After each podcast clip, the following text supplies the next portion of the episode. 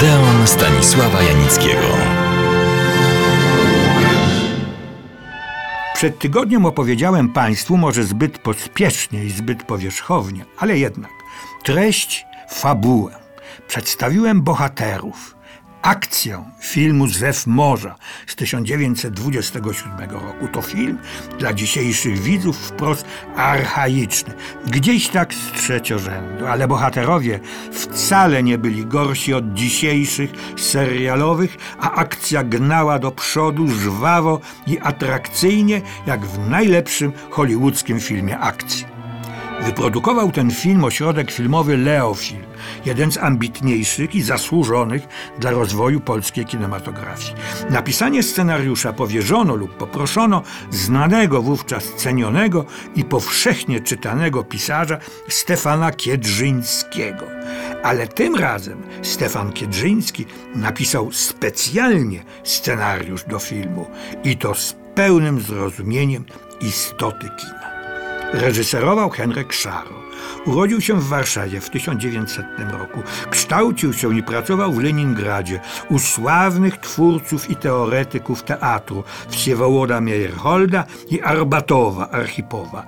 W 1924 roku wrócił do Polski, zarówno w teatrze, jak i w filmie od pierwszych spektakli i filmów zdobył uznanie.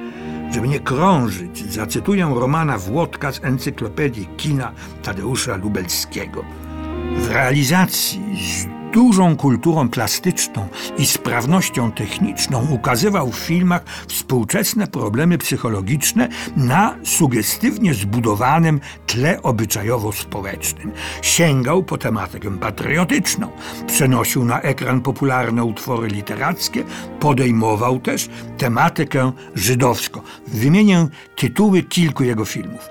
Przedwiośnie, Dzieje grzechu, Ordynat Michorowski czy Ślubowanie.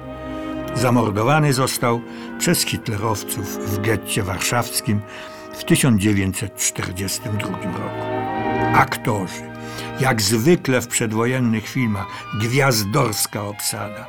Główna para miłosna Maria Malicka i Jerzy Mar. Ona była jedną z ulubienic Warszawy, także cenioną aktorką teatralną i filmową. Pisano, że dysponuje żywością, ogniem, temperamentem, pewnością gestu i wdziękiem ruchu. Choć film Zew Morza był dopiero zapowiedzią jej możliwości artystycznych. Jej partner to Jerzy Mar. Zagrał w ponad 20 filmach przed wojną. Określano go jako amanta, ale na to był trochę zbyt toporny. Najlepiej czuł się w tak zwanych rolach męskich. Wrócił w tej roli nad morze w głośnym filmie Leonarda Buczkowskiego Rapsodia Bałtyku. Egzotyczną Jolę, córkę właściciela statku, na którym pływa nasz bohater, grała Nora Ney. To było zjawisko. Egzotyczna, tajemnicza, podniecająca i co jednak ważne, świetnie grająca. Na szczęście nie mam tu zaległości, bo o niej w Odeonie Państwu obszernie już opowiadałem. Konkurenta do ręki Hanki, córki pana dziedzica, z którą bawił się w latach dziecięcych Stach, syn młynarza, a teraz musiał stanąć w szranki turnieju miłosnego, grał Mariusz Maszyński, aktor bardzo charakterystyczny. Studiował architekturę, po czym połknął bakcyla aktorskiego. Od lat dwudziestych w polskich filmach Zew Morza, Pan Tadeusz, Straszny Dwór, Każdemu wolno kochać. W czasie powstania warszawskiego został przez hitlerowców zamordowany. I jeszcze tylko jeden aktor, niezwykle później popularny, a wtedy właśnie w filmie Zew Morza, debiutujący jako dziecięca wersja głównego bohatera Stacha, Tadeusz Fijewski. A ja zapraszam Państwa na następne spotkanie w naszym Odeonie.